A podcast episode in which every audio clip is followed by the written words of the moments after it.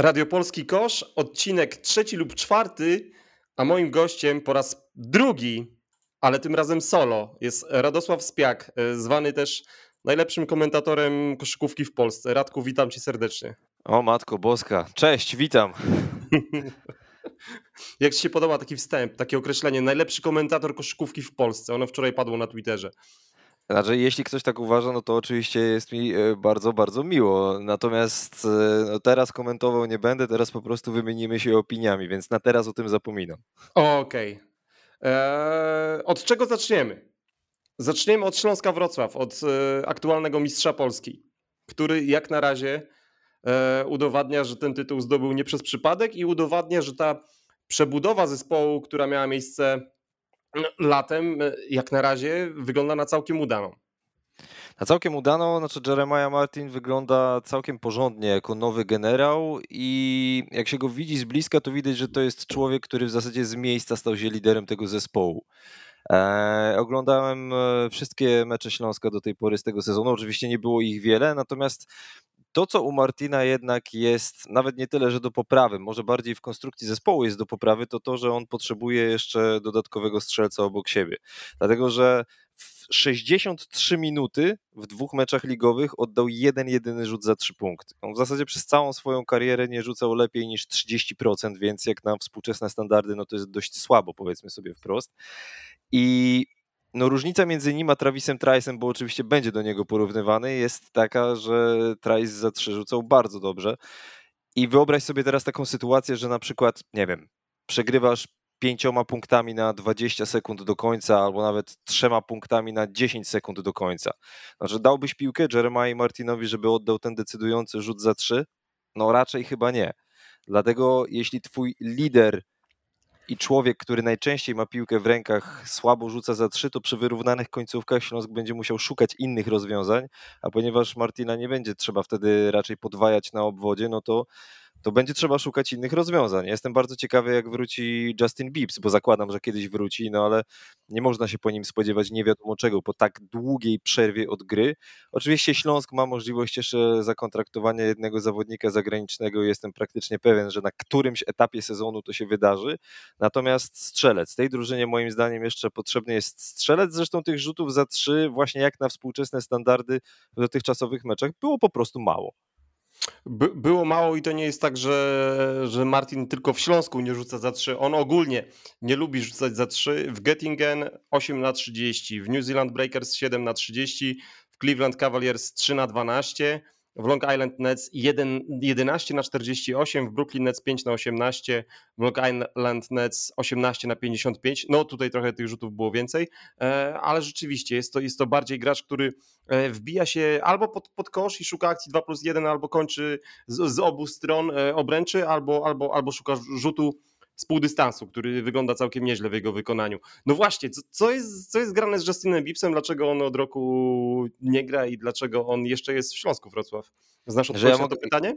Ja mogę powiedzieć tak, znaczy y, kontuzja ścięgna Achillesa jest jedną z najgorszych, jaką, jakie można mieć i niestety sam coś o tym wiem. E, natomiast no Bips miał podpisany dwuletni kontrakt, w związku z czym to jest jego drugi sezon w tym klubie. No i kontrakt obowiązuje, więc w tej drużynie jest.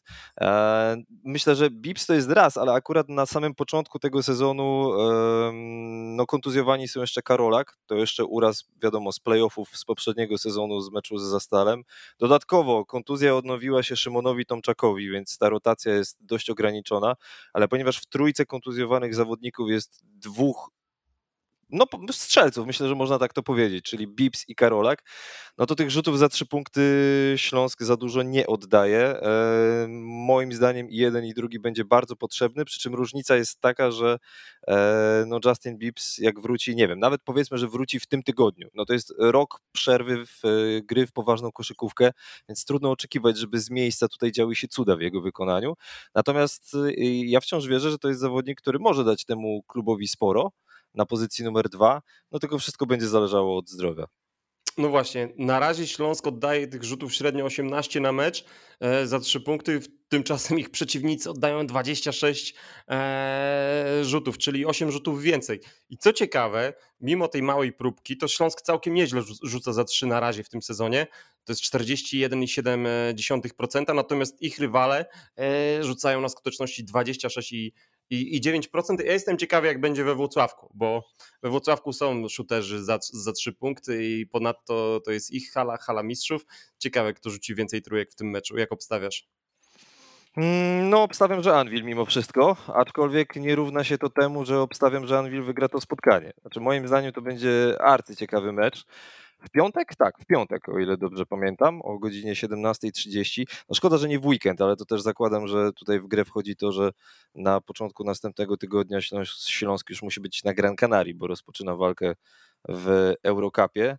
E, Anvil też widziałem z bliska przy okazji ostatniego ich meczu przedsezonowego przeciwko Herzlii, czyli było nie było drużynie, która w tym sezonie gra w Lidze Mistrzów.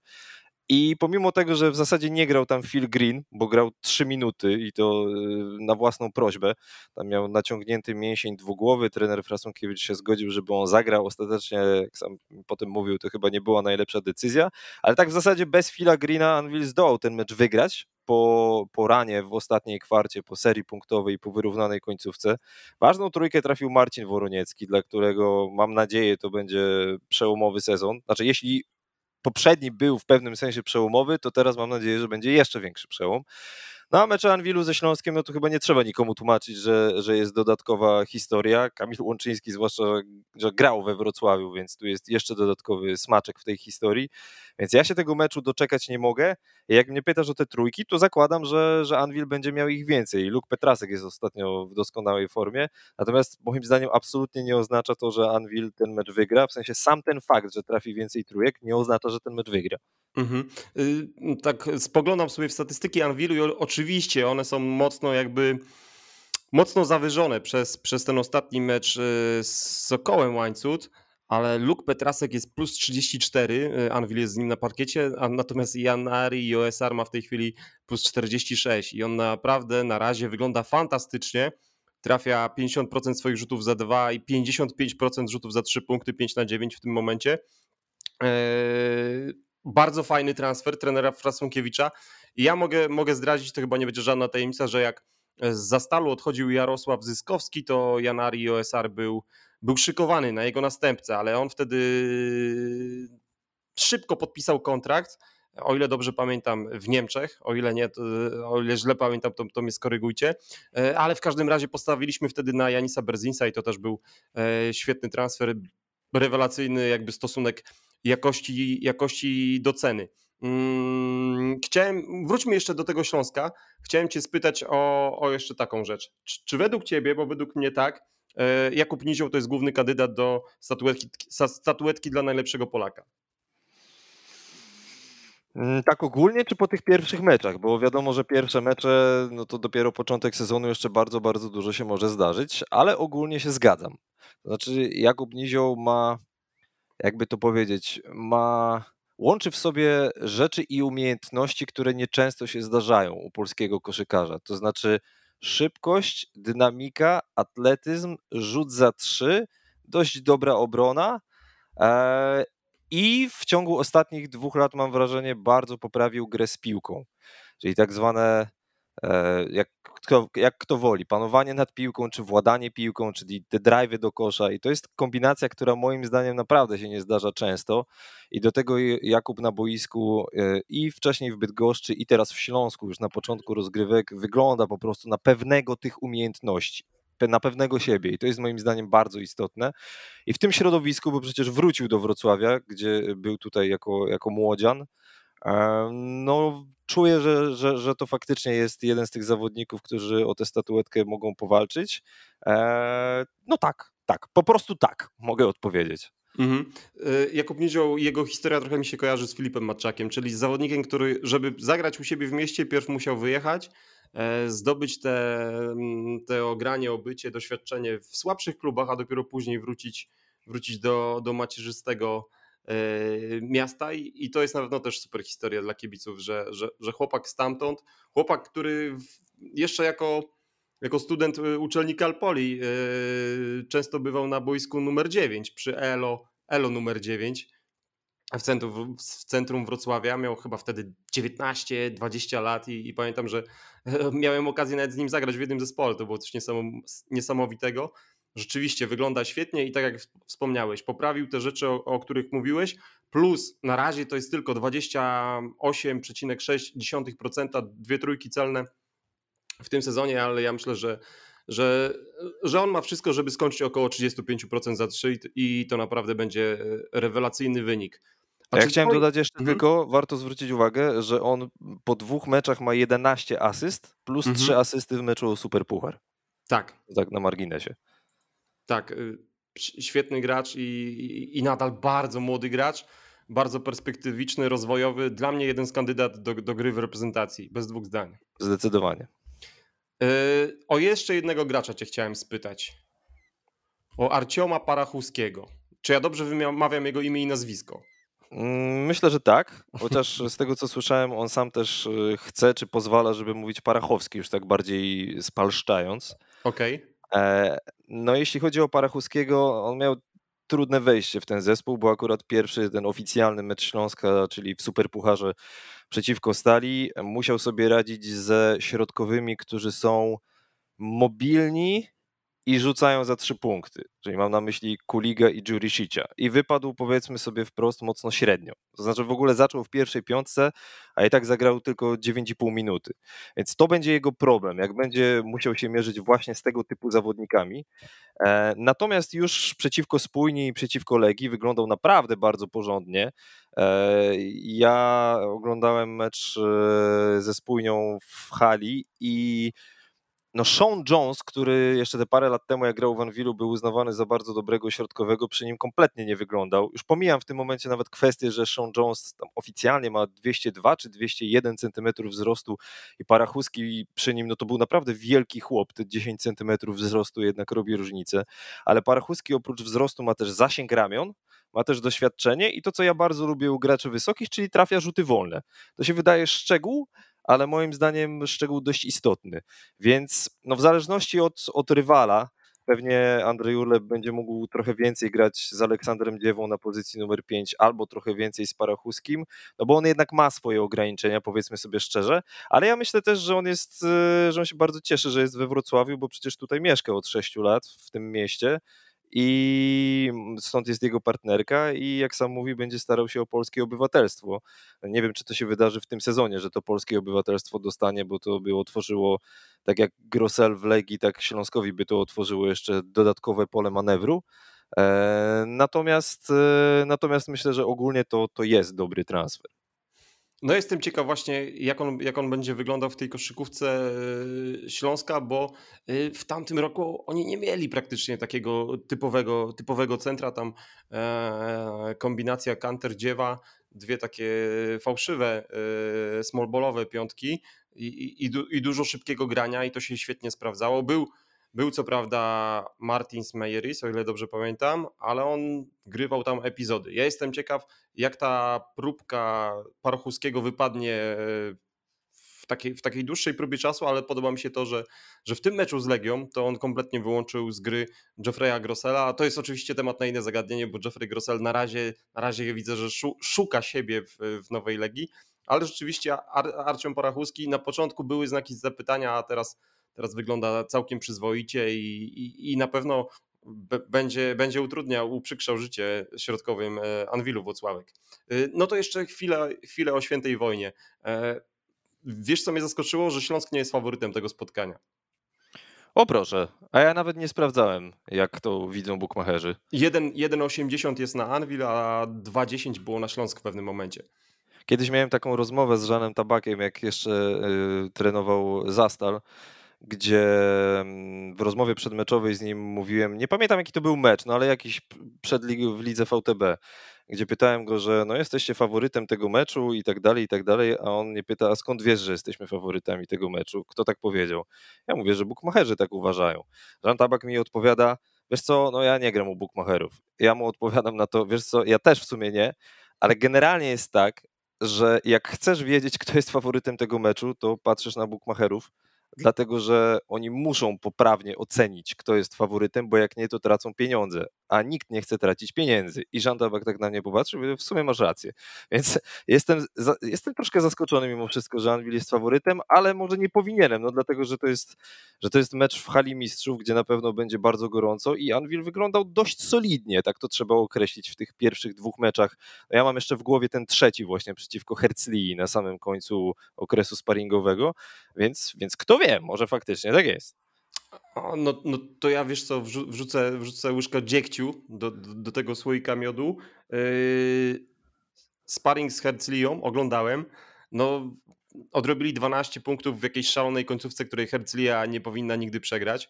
Później dostali bardzo na razie słabo wyglądający klub z mojego miasta, czyli Enea Zastal BC Zielona Góra, a po nim dostali Soku Łańcut, który na razie wygląda jak główny kandydatek do spadku. I, i, i to, co mnie jakby skłania ku typowi na Śląska Wrocław jest to, że, że Wrocław zagrał z Ostrowem, przegrał z Ostrowem, ale to był naprawdę trudny rywal i, i postawił im dobre warunki, to był fajny, fajny sprawdzian.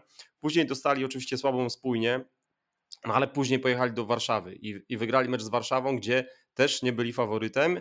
I wydaje mi się, że po prostu mieli na razie trudniejszych rywali i mieli bardziej okazję sprawdzić się w, w, takich warunkach właśnie, jakie mogą być na świętej wojnie i ja ich mam wyżej. Ja osobiście, gdybym stawiał dolary przeciwko orzechom, jak mówisz, to, to postawiłbym je na, na, na Śląsk Wrocław.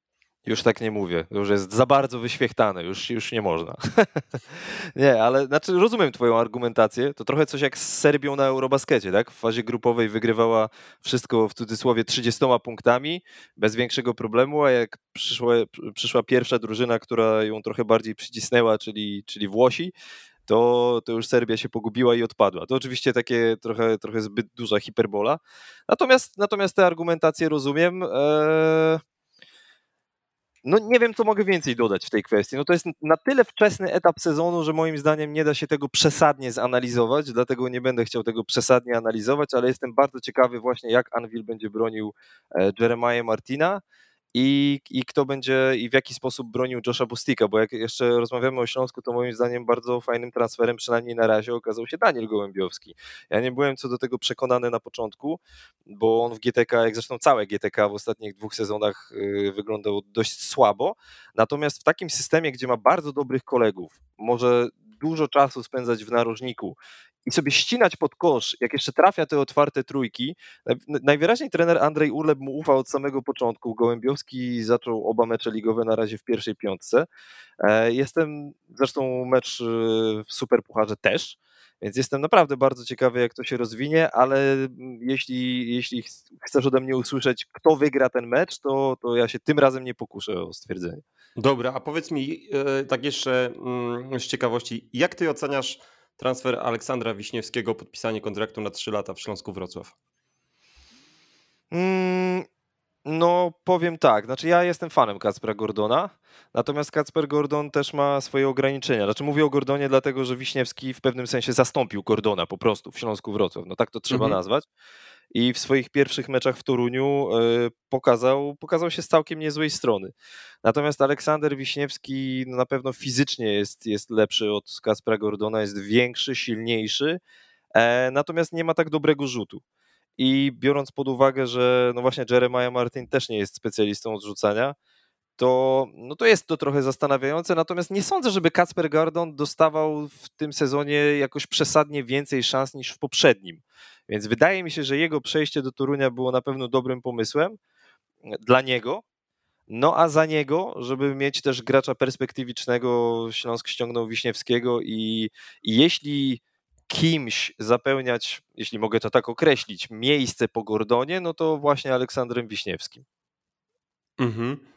Ja, ja, z kolei uważam, że na miejscu Aleksandra Wiśniewskiego już bym dzwonił do, do agenta Macieja Szwarca, do agenta Dariusza Sarnowskiego i mówił panowie, szukajcie mi klubu na wypożyczenie, bo ja tutaj za wiele w tym sezonie nie pogram, a ja powinienem grać jak najwięcej.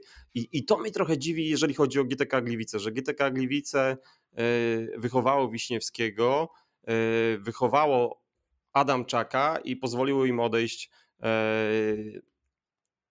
do Śląska Wrocław, gdzie, gdzie, gdzie obecnie ich, ich rotacja Polaków to jest Szlachetka, Put, e, Szymon Ryżek. To mnie zastanawia, ale, ale, to, ale to, już, to, to już nie moje zmartwienie. Radku, chciałem przejść do, do kolejnego tematu. Tref Sopot. Wiesz dlaczego? Bo według mnie Zapewne to jest drużyna, dlatego, że Orlando Johnson się pojawił. To też, ale wiesz co, według mnie to jest drużyna, o której najmniej się mówi, a co oczywiście pewnie pasuje trenerowi Tabakowi, ale która może zajść według mnie bardzo daleko w tym sezonie. No tam też jest jeszcze możliwość przecież zakontraktowania kolejnego zawodnika zagranicznego, więc tutaj jeszcze dużo się będzie działo. Natomiast jak rozmawiałem z Żanem Tabakiem przed meczem z MKS-em Dąbrowa Górnicza, to on powiedział, że, e, że wie, że to wszystko na razie źle wygląda boiskowo, nawet mimo tego, że są zwycięstwa, ale są konkretne powody, dlaczego to tak źle wygląda.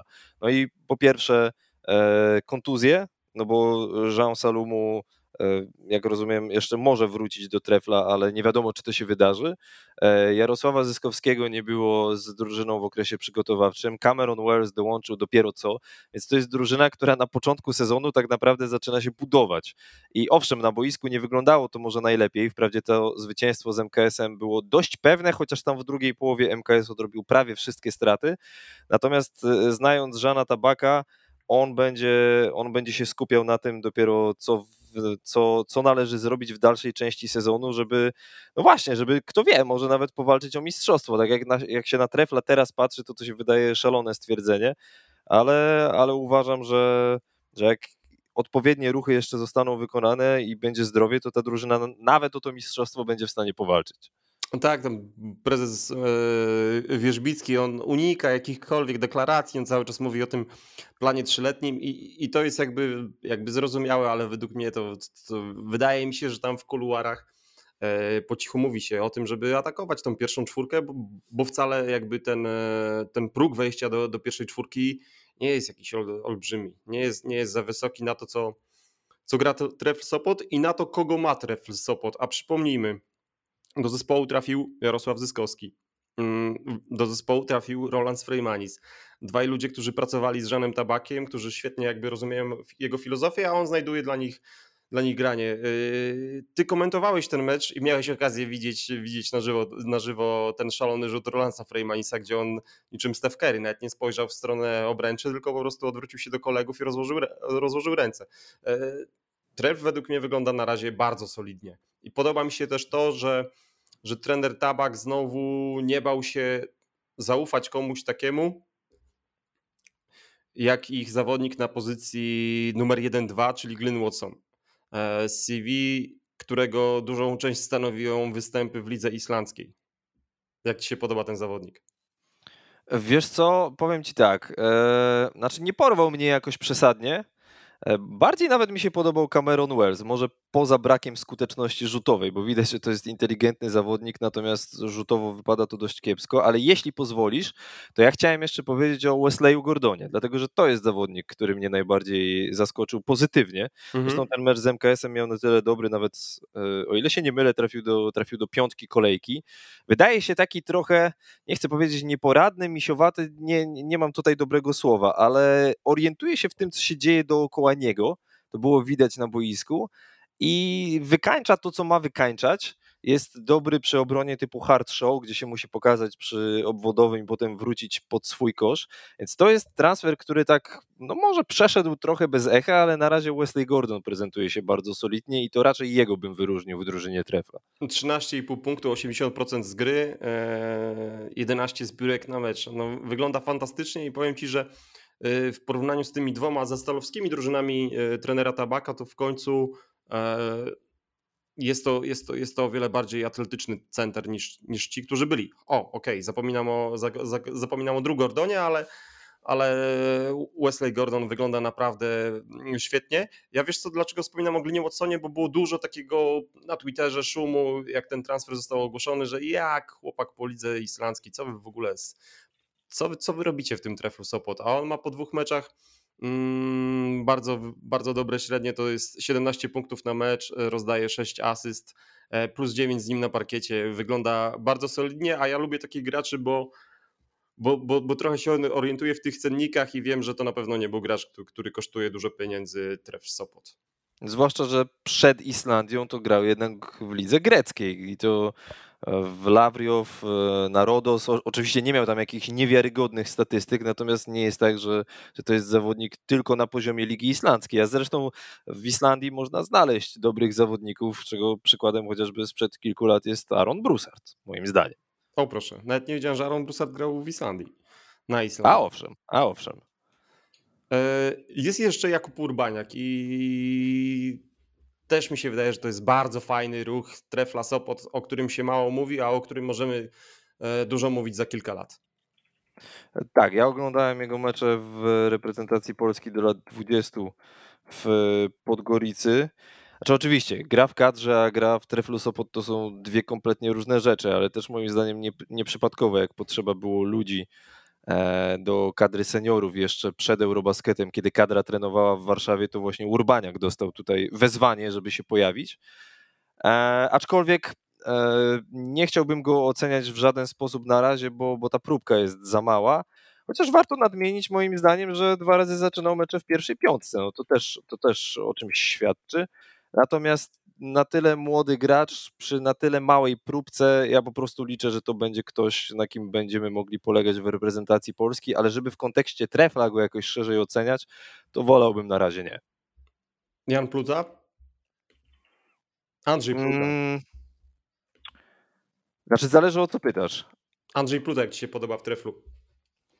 No, nie no, bardzo mi się podoba. Znaczy ten mecz w MK, przeciwko MKS-owi miał naprawdę porządny i myślę, że może skorzystać na tym, że, że gra akurat obok takich zawodników jak, jak Watson i Wells, którzy no, mogą grać wymiennie powiedzmy na pozycji 1-2. No Wells to zdecydowanie bardziej jedynka oczywiście, ale Pluta e, ja, ja lubię po tych zawodnikach, zwłaszcza polskich, w polskiej lidze oceniać e, czy szacować, nie wiem jak to określić, nawet pewność siebie na boisku i Pluta widać, że ma tę pewność siebie. Nawet jak wspomniałeś o tym, o tym rzucie Freymanisa, gdzie jak Steph Curry e, od razu wiedział, że ta piłka wpadnie do kosza, podanie za plecami Andrzeja Pluty. No niby nic, niby, niby, niby drobna rzecz, ale jednak pokazuje, że zawodnik się czuje bardzo pewnie i że, że ma pozwolenie od trenera Tabaka na takie rzeczy na rozwiązywanie konkretnych sytuacji boiskowych w dany sposób. Więc e, zresztą pamiętam, jak z Andrzejem Plutą rozmawiałem, e, juniorem oczywiście, jak był w Hiszpanii, jak miał 15 lat, jeszcze był wtedy w Madrycie, to było przed Sewillą. I widać było, że to, jest, że to jest chłopak, który ma pewność siebie, więc teraz na boisku tym bardziej powinien to pokazywać. Przejdźmy do, do, do, do, kolejnego zespołu. Jeszcze tylko nadmienię, bo e, w skarbie kibica napisaliśmy o Treflu Sopot, że pierwszym ruchem transferowym mm, Żana Tabako, Żana Tabako było, było e, rozwiązanie kontraktu z Mateuszem Szlachetką. Oczywiście kontrakt został rozwiązany na prośbę zawodnika, ale ta prośba zawodnika nie wzięła się, nie wzięła się z powietrza. To nie było tak, że Mateusz Szlachetka narzekał na, na Sopot i chciał wrócić do malowniczych Gliwic po prostu Andrzej Pluta przyszedł y, i było wiadomo, że on przejmie jego minuty. Przejdźmy teraz do kolejnego zespołu, e, do Sokoła Łańcut. Cisza. Cisza. Cisza nad Sokołem Łańcut. Ty miałeś okazję e, komentować mecz e, z Anwilem Włocławek jak ci się ten Sokół na razie podoba i czy nie uważasz, że oni ze względu na to, że w pierwszej rundzie grają aż 10 meczów u siebie w hali, to powinni teraz, teraz jakby najbardziej myśleć o tym, ile zwycięstw potrzebują do tego, żeby się utrzymać i czy nie powinni zacząć wymieniać e, wszystkich obcokrajowców oprócz swojego, swojego generała Limura? No to zacznę od drugiej części pytania. Znaczy, nawet jeśli, chociaż moim zdaniem jeszcze nie, ale nawet jeśli, no to nie zapominajmy, że ten klub ma spore ograniczenia budżetowe. Bo nawet jak y, pamiętam, że przed, przed jeszcze pierwszym meczem z Legią rozmawiałem e, z, z prezesem klubu on zaznaczał, że budżet w porównaniu do pierwszej ligi poszedł o 100% do góry, ale to i tak są dolne stany, jeśli chodzi o PLK. Myślę, że z dużą dozą prawdopodobieństwa można powiedzieć, że Sokół ma najniższy budżet. E, więc y, jakiekolwiek roszady w składzie trzeba bardzo solidnie i mocno przemyśleć. E, myślę, że to jeszcze nie jest ta pora i tu mogę nawiązać do pierwszej części Twojego pytania, dlatego że owszem, 10 meczów e, we własnej hali w, w pierwszej części rundy zasadniczej, ale pierwsze cztery mecze, bo pierwsze cztery mecze z rzędu są właśnie w łańcucie, no to tak, to tam jest Legia, Anvil, King i Czarni, a więc trzy z czterech klubów, które w poprzednim sezonie były w półfinale. I oczywiście można argumentować, że dla Beniaminka żaden terminarz nie będzie łatwy, ale jednak ten jest wyjątkowo trudny. Więc e, jeszcze bym się chwilę wstrzymał z, z jakimikolwiek zmianami. Natomiast jeśli chodzi o Sokół, to myślę, że no, no Limur sam tego utrzymania nie zapewni, chociaż ja sobie tak myślałem na starcie sezonu, że no nie wyobrażam sobie, żeby drużyna, która ma w składzie tak dobrego gracza jak Limura spadła z ligi. Ale jednak na razie ten dość ryzykowny system, ryzykowny w cudzysłowie oczywiście mówię, który przyjął trener e, Radosław Soja się nie sprawdza, bo tam jest dużo no, takiego luźnego stylu, tak? Dużo szybkich trójek, ta gra się opiera właśnie na trójkach, na, na izolacjach, na, na pick and rollach ale, ale ci zawodnicy, którzy mają stanowić o sile tego zespołu, mówię zwłaszcza o zagranicznych, to poza Limurem na razie krótko mówiąc nie błyszczą i, i myślę, że będą musieli się szybko przystosować do wymagań polskiej ligi, bo jak nie, to może faktycznie za jakiś czas być gorąco, to tak obrazowo i ogólnie ujmę. Mhm. 30 trójek średnio oddają na mecz y, gracze Sokoła Łańcuch, trafiają 30% z tych rzutów i, i, i ta największa rozbieżność jest, y, raczej przepaść jest po prostu pomiędzy Limurem a, a resztą obcokrajowców. Nawet Limur, który gra na bardzo średniej skuteczności z gry, to jest 38%, 13 rzutów na 34 trafionych, e, no to Limur w tych dwóch meczach rzucił 47 punktów. Najlepszy kolejny strzelec to jest Delano Demetrius Spencer, drugi. Tych punktów ma 28 i tutaj jest jeszcze gorzej z rzucaniem 9 na 26. Rainer Zynik Torton 5 na 21, 23%. I... Widzę, że jesteś fanem wszystkich imion danych zawodników. To jeszcze z pamięci mogę powiedzieć Quinterial Latrell McConico. Tak, oddał 7 rzutów, trafił 4 z, 4 z nich, no ale zagrał tylko 20, 26 minut. Co ciekawe, znaczy co ciekawe, co mnie martwi, to też polska rotacja w Sokole Łańcuch. Tam oczywiście zdecydowano się na ten, na ten no, taki znany, znany system z klubów, które awansują, czyli dziękujemy, dziękujemy graczom, którzy nam pomogli w wywalczeniu awansu i dajemy im ten pierwszy rok, żeby się yy, na grę w Ekstraklasie, ale ja nie wiem, czy to nie będzie pierwszy i ostatni rok, bo, bo na razie ta polska rotacja zawodzi. Jedynym wyróżniającym się zawodnikiem jest dla mnie w tej chwili Filip Struski, który, który trafił sześć trójek, z czego chyba trzy, trzy trójki z tych sześciu były trafione już w totalnym garbage time przeciwko Anwilowi Włocławek. Jak ty oceniasz polską rotację? No, Oczywiście jesteśmy fanami Przemysława Wrony, bo znamy Pamelę Wronę. Przemysław Wrona, a akurat Przemysław nie, Wrona on wyglądał okay. całkiem nieźle, chociaż ze skutecznością trochę, trochę nie najlepiej akurat w tych dwóch meczach. No ale okej, okay. znaczy tu po raz kolejny bym, bym nawiązał do wcześniejszej części swojej odpowiedzi, czyli, czyli ograniczenia budżetowe. No, Sokół gra pierwszy raz w historii w Ekstraklasie i o ile sportowo powiedzmy, że, że Limur może być gwiazdą tej ligi, a pozostali zawodnicy zagraniczni no, na razie nie wyglądają, o tyle Polacy pewnego poziomu nie przeskoczą. No, trzeba to sobie jasno powiedzieć. Mhm. Więc y, no jest tam jeszcze jedno miejsce dla zawodnika zagranicznego. Tam trenuje z Sokołem Łańcuch Kedar Davis, taki zawodnik, który, który wcześniej grał, o ile dobrze pamiętam, między innymi w Iraku i chyba gdzieś w Ameryce Południowej. Musiałbym to na szybko sprawdzić, może za chwilę to zrobię. E, ale jak rozmawiałem właśnie i z, i z trenerem Sokoła i z prezesem, no to pieniądze, po prostu pieniądze, więc e, no tylko, że że oczywiście możemy rozmawiać o pieniądzach, ale e, trzeba wygrywać na boisku z tym, co się ma. I to, co mnie martwi, jeśli chodzi o Sokół, to nawet nie tyle same porażki, bo tak jak mówię, ten terminarz jest bardzo trudny. O, w Niemczech jeszcze w poprzednim sezonie grał Kidar Davis w Bremerhaven, zagrał w sześciu spotkaniach. To tak na marginesie. E, to bardziej to, że Sokół dość szybko w obu spotkaniach był w bardzo trudnej sytuacji. A jak jesteś Beniaminkiem i nie masz graczy rozeznanych w danej lidze i nie, ma, nie masz dobrze zgranego zespołu, bo na przykład McConnick przecież w pierwszym meczu z Legią grał, jak to się popularnie mówi, z samolotu, więc jak już na samym początku meczu wpadasz w dwucyfrową stratę, która jeszcze potem e, podchodzi do 20-punktowej, jak nie wyżej, no to jest, jest bardzo trudno cokolwiek zrobić i potem to się przekłada na mental, bo po tym spotkaniu z Anwilem Włocławek przegranym, jak się Sokół zebrał na środku parkietu, no to było widać po nich, że, że tam nie ma życia po prostu. Mhm. E, więc, ale ja myślę, że to się zmieni z pierwszą wygraną. Zwłaszcza jeśli ta wygrana przyjdzie we własnej hali, e, no tylko pytanie, kiedy przyjdzie, bo, bo tak jak mówimy, terminarz tutaj do łatwych nie należy. Ja rozmawiałem z jednym z pierwszoligowych trenerów i on zwracał uwagę na zawodnika, który się nazywa Marcin Nowakowski, który w pierwszej lidze był po prostu królem pierwszej ligi, tam rządził i dzielił. Był takim e, mini wersją Łukasza Koszarka na, na, na, na warunki pierwszej ligi. No i Marcin Nowakowski na razie też, też nie wygląda. Ja też po cichu liczę, że, że on zacznie grać lepiej, bo, bo trzymam za niego kciuki. E, to chyba tyle o Sokole Łańcut. Jestem ciekaw, jak długo będziemy czekali na ich pierwsze zwycięstwo. Kalendarza nie mają najłatwiejszego. Sprawdźmy sobie, z kim zagrają. Teraz przyjeżdża tam King Szczecin, to jest mecz, który odbędzie się jutro.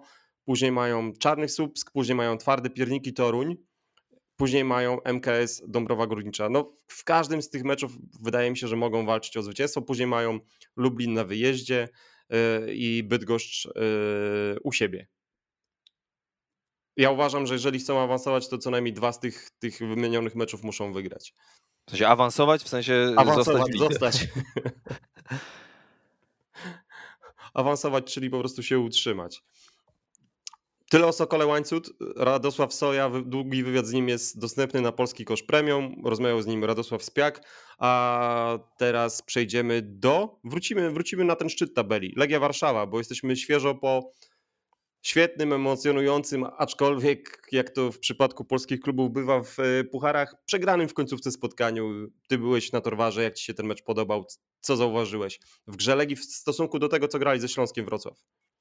Czy byłem, byłem na tym meczu na Torwarze i potem sobie go jeszcze odwinąłem, znaczy obejrzałem jeszcze jeden raz i no niestety no nie można nie zwrócić uwagi na to, że drugi mecz z rzędu Legia w drugiej połowie ma serię 0 kilkanaście, bo ze Śląskiem to było 0,14, tutaj 0,15 i no przy, te, przy, tej serii, zwłaszcza w, zwłaszcza w meczu z Holonem, ja zwróciłem uwagę na to, że, że zaczęło się po prostu dużo indywidualnego grania i było mało atakowania kosza, co jest moim zdaniem no, no mówiąc wprost nie najlepsze, w sensie taką przesłanką, którą którą Legia musi poprawić na następne spotkania, bo, bo jak sobie obejrzysz ten mecz jeszcze raz, to w momencie jak Legia prowadziła 12 punktami w czwartej kwarcie, bo prowadziła 12 punktami, przypomnijmy, i, e, i Holon zaczął odrabiać straty, to Legia miała tak, niecelna trójka Marbla, niecelna trójka Koszarka, niecelna trójka McCalluma, niecelna trójka Kamińskiego. Tam po prostu było mało prób wejścia pod kosz.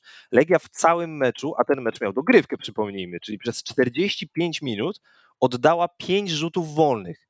Więc skupienie się na rzutach z obwodu, nawet jak one jako tako wpadają, bo tam było 17 celnych trójek, więc przy dobrej skuteczności, więc naprawdę nieźle. No ale trzeba mieć też jakąś alternatywę. I Darek Wyka po meczu mówił, że no, musimy się po prostu spiąć w takich sytuacjach. No myślę, że powiedział to, powiedział to dość prosto, ale, ale, ale tak jest faktycznie.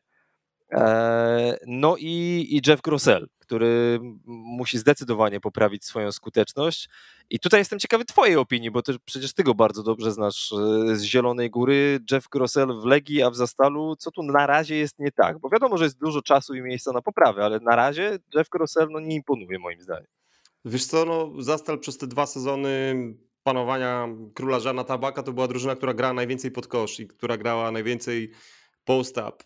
E, natomiast drużyny Wojciecha Kamińskiego to były drużyny, które zwykle były oparte o dobrze kozłujących e, shooterów, którzy, którzy, którzy kończyli z obwodu, więc wydaje mi się, że, że po prostu do tej pory trener Kamiński, co też było jakby powodowane e, ograniczeniami budżetowymi, łatwiej jest oczywiście znaleźć dobrego niskiego gracza niż, niż dobrego wysokiego gracza on używał tych centrów bardziej jako ludzi, którzy stawiali zasłony, rolowali po pick and rollu, coś tam sobie zebrali. No, dysponował centrami w stylu Adama Kempa do tej pory, a, a, a teraz dostał centra, który gra świetnie tyłem do kosza, ale który po pierwsze nie miał najlepszego sezonu we Włoszech i to nie jest żadna tajemnica. Z tą drużyną z Ligi Włoskiej spadł i trochę przyjechał jakby do Polski na, swoim, na swojej reputacji z Zastalu. Oczywiście jest to świetny gracz. No i też oczywiście jego olbrzymią zaletą jest to, że, że jeszcze będąc w Zielonej Górze, razem byliśmy u notariusza i załatwialiśmy polski paszport razem z e, kierownikiem e, reprezentacji polskiej mieliśmy taką wycieczkę, no, no i ten polski paszport to jest jego wielki atut. Ale tam wszyscy powtarzają z Łukaszem Koszarkiem na czele, że, że po prostu Jeffrey potrzebuje czasu, a my potrzebujemy czasu, żeby się z Jeffreyem e, nauczyć grać. No i właśnie tego Jeffreya w tej końcówce brakowało. Bo przecież doskonale pamiętasz, e, jak grał Jeffrey Grossell, kiedy, kiedy z drużyny odszedł Ifer Lundberg. Komentowaliśmy te mecze razem i, i, i Jeffrey Grossell naprawdę świetnie się sprawdzał e, jako ta pierwsza, druga opcja w ataku za Stalu Zielona Góra. Ja mam nadzieję, że to jest tylko jakby chwilowy, chwilowe zaćmienie i już niedługo będziemy bili brawo po kolejnych krzesełkach e, stawianych obrońcom, e, stawianych atakującym przez Jeffreya i po, po jego dobrych akcjach. Na razie jego moim zdaniem mocno, mocno w Legii brakuje i też nie jestem przekonany, czy Ray McCallum to jest, to jest ten gracz. Ja, ja, powiem tak, znaczy ja McCalluma pamiętam jeszcze z Hiszpanii. Jak, jak komentowałem Ligę Hiszpańską, jak on grał w Maladze, moim zdaniem on, nie, nie wiem konkretnie z jakiego powodu, ale, ale stracił mocno na szybkości, na tej, jak to się zwykło określać, eksplozywności, chociaż nie do końca lubię to polskie tłumaczenie, czy polską wersję tego słowa ale, e, ale no też, też właśnie te, i to jest a propos wejść pod kosz, a propos tego, o czym mówiłem wcześniej. Natomiast a propos Legii, to ja mam jeszcze dwie kwestie. Jeśli mogę na chwilę przejąć rolę, że tak się wyrażę, prowadzącego naszą rozmowę. Zapraszam. Devin Marble, którego bardzo lubię i z którym ty też miałeś do czynienia w Zielonej Górze, on jest cichym, spokojnym, fajnym człowiekiem. Tak czy nie? Tak ja mam wrażenie, że w tej Legii brakuje właśnie takiego lidera, nawet nie tyle pod kątem umiejętności, co człowieka, który tak wokalnie byłby w stanie tę drużynę zebrać. No oczywiście kimś takim jest Łukasz Koszarek, tak? Może być kimś takim. E, I Łukasz Koszarek statystycznie, jak e, widziałem, wiele osób zaznaczało, no miał, miał bardzo dobry plus-minus w tym meczu przeciwko Holonowi, ale tak miał 6 asyst, ale na przykład skuteczność z gry 1 na 5. I, myślę, że to się wyklaruje jeszcze w trakcie sezonu. Ta taka, taka osoba lidera wokalnego, tak to nazwijmy, mentalnego, ale oprócz koszarka fajnie by było, gdyby to był jeden z dwóch najlepszych graczy. Tak ogólnie, już nie mówię tylko o Legii. A dwóch najlepszych zawodników w Legii to jest w tym momencie e, Devin Marble i Ray McCallum. I nie jestem przekonany, powiem ci, czy, czy jeden i drugi mają takie cechy charakterologiczne to wiesz co, ja mogę ci powiedzieć, że na pewno takie cechy charakterologiczne ma i, i, i on świetnie by się sprawdził w tej roli i tym graczem jest Jeffrey Grossell. Tylko on po prostu musi grać lepiej, bo on zawsze jakby nie bał się mówić tego, co myśli, a przy tym jest naprawdę bardzo, bardzo jakby dobrze usposobionym, przyjacielskim gościem, który, który nie miał problemu, żeby, żeby iść z zawodnikiem 11-12 na burgera i spędzić z nim popołudnie. Ja myślę, że Jeffrey Grossell musi wejść po prostu w, tą, w tę rolę, I też oczekuję lepszej gry od Reya McCalluma. To na pewno. Natomiast jeśli mogę, to ja o Legii jeszcze jedno przemyślenie. I to nawet nie tyle o samej Legii. Eee, bo i tu, tu, mam, tu mam dla ciebie zagadkę, tak mogę powiedzieć. E, od razu mówię, że bez nagród, bo nie przygotowałem, ale, e, ale sam jestem ciekawy, co odpowiesz, bo, e, bo jak się nad tym zastanawiałem, to sam nie byłem w stanie znaleźć poprawnej odpowiedzi, musiałem poszukać w internecie, więc jestem bardzo ciekawy, co powiesz. A propos gry polskich drużyn w europejskich pucharach. Albo nie, najpierw pytanie po prostu. Kiedy ostatni raz w polskiej lidze, i pomijamy tutaj kwestię tego, że parę lat temu był sezon covidowy niedokończony i że była bańka w Ostrowie sezon później. Nieważne. Kiedy ostatni raz w polskiej lidze zdarzyła się sytuacja, żeby przez 4 lata z rzędu byli czterej różni mistrzowie? Masz 2,19 Anvil, 2,20 e, Zastal, e, w zeszłym roku Stal i teraz Śląsk. I kiedy wcześniej, poprzednim razem tak było, że przez 4 lata z rzędu byli czterej różni mistrzowie? Jak byś powiedział? O Boże, trzeba by się cofnąć do jakichś czasów chyba prehistorycznych. Jak tak sobie myślę, no to, no, no to wcześniej by, była dynastia Aseko, a wcześniej, wcześniej jeszcze no, tytułami tytuły zdobywał Śląsk Wrocław, w międzyczasie była Mazowszanka, Pruszków, Anwil Wocławek. No to, to, to ja ci mogę powiedzieć, no bo już to, już to sprawdziłem. 86 Zagłębie Sosnowiec, 87 Śląsk Wrocław, 88 Górnik Wałbrzych, 89 Lech Poznań. I potem już nie było żadnej takiej serii czteroletniej, no bo tak jak słusznie mówisz, potem Śląsk, potem Prokom, potem przecież Zastal, tudzież Stelmet zdobywał mistrzostwa z rzędu. I ja z jednej strony sobie myślę, że to bardzo fajnie, bo to oznacza, że liga jest wyrównana, nieprzewidywalna i no do końca nie, nie, no tak, no nie jest jasne, kto, kto zdobędzie mistrzostwa. Nie ma monopolu, nie ma też duopolu, więc to jest super dla ligi. Ale pamiętam, jak po ostatnim meczu finału poprzedniego sezonu rozmawiałem z Łukaszem Ceglińskim, którego pozdrawiam z tego miejsca, i on zaznaczył, że, że w sumie to może mieć też negatywną stronę, dlatego że żaden polski klub nie ma doświadczenia w europejskich pucharach na wysokim poziomie na dłuższą metę. Bo można narzekać na przykład na czeską ligę, że jest strasznie nudna, bo tam zawsze wygrywa Nymburk, ale po latach ten Nymburk w koszykarskiej Lizy Mistrzów, czyli tam, gdzie teraz gra Legia, e, ogólnie prezentuje się na dobrym poziomie. Mówię i sportowo, i organizacyjnie. Więc może teraz takim zespołem będzie Śląsk Wrocław, jeśli regularnie będzie grał w Eurocupie. Natomiast myślę, że trzeba też pamiętać, że dla Legii to jest pierwszy taki sezon, no w zasadzie ever na, na tym poziomie. Oczywiście pomijam czasy tam lata 60. czy 70., więc to jest bardzo ciekawy czynnik, który, o którym może, jeśli kiedyś będziemy mieli czas, to podyskutujemy trochę bardziej. Tylko ja, po prostu bardzo mnie to zastanowiło właśnie i mieliśmy, mieliśmy taką rozmowę. Ja przyznałem Łukaszowi rację, że faktycznie tak jest, że jak masz drużyny, które co roku ktoś inny zdobywa mistrzostwo, no to żeby na stałe zagościć na wysokim poziomie w europejskich pucharach, po prostu prawdopodobieństwo tego jest jednak trochę mniejsze. Mhm. Yy, wiesz co, była taka opinia po tym meczu Legii na Twitterze, ja się z nią, ja się z nią zgadzam. Tomasz Lis, znany jako Stalówka Blok, on napisał, że no fajnie, kolejny, kolejny jakby mecz, w którym należy pochwalić drużynę za walkę, ale nikt o tej walce nie będzie pamiętał, kiedy przyjdzie do podziału punktów e, w rankingu FIBA i rzeczywiście, to y, ja też tego jakby, mnie też to wkurza, irytuje, że, że te polskie kluby co roku mamy fajne mecze.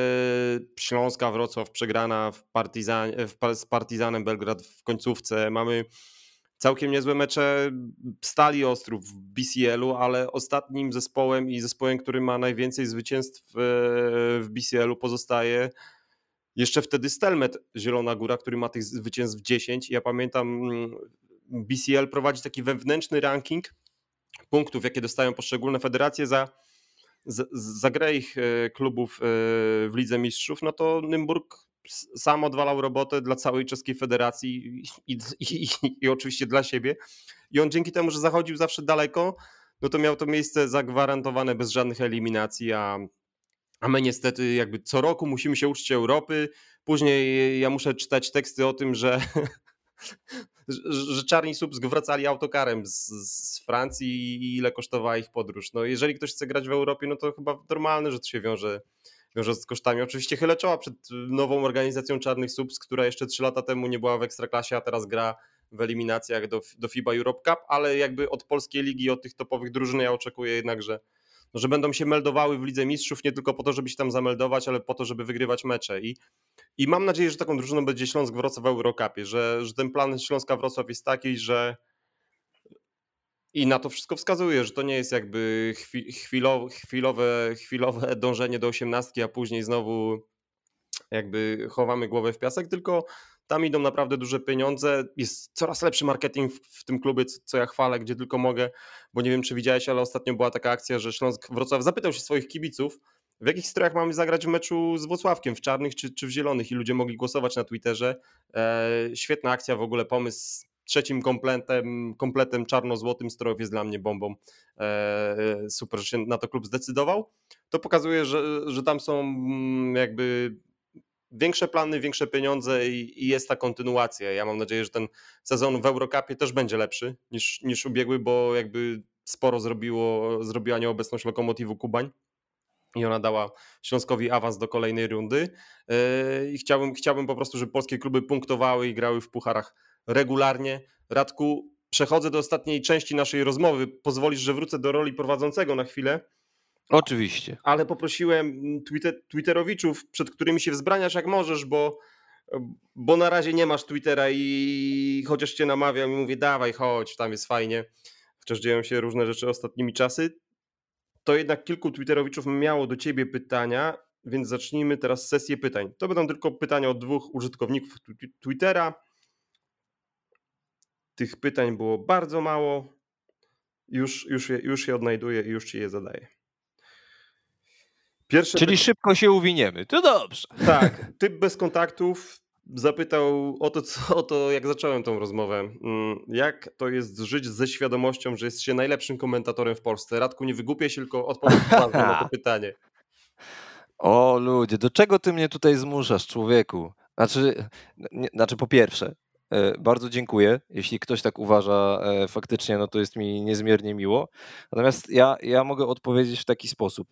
Moim zdaniem podstawową rolą komentatora e, Inaczej, tak jak podstawową rolą lekarza jest nie szkodzić pacjentowi, tak podstawową rolą komentatora jest nie przeszkadzać widzowi. I jeśli mój komentarz komuś nie przeszkadza w odbiorze meczu, to już jest połowa sukcesu. Mówię absolutnie poważnie w tym momencie.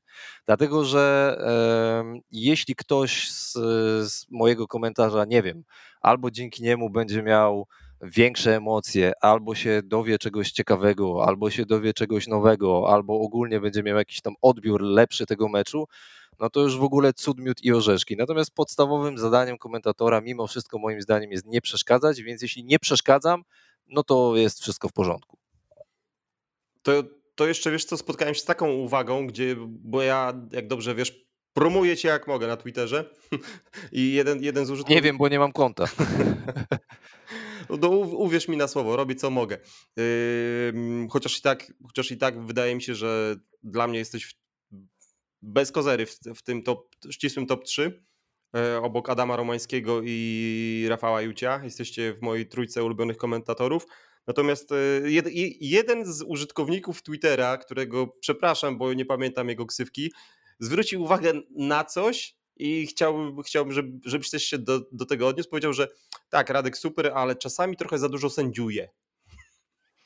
E, wiesz co, może tak być. To znaczy, to zależy jeszcze gdzie. O, może tak. Dlatego, że jest duża różnica między komentowaniem meczów e, gdzie jest jedna kamera i bez powtórek, jak to aktualnie mamy w emocjach, a inaczej jest na przykład w lidze hiszpańskiej, gdzie mamy tych kamer powiedzmy tam 12 i, i są dobrze ustawione i w dobrej jakości. Znaczy, y, jeśli ktoś tak uważa, no to oczywiście przyjmuje to do siebie, natomiast moim zdaniem komentator też nie powinien siedzieć cicho, jeśli uważa, że był ewidentny błąd sędziów.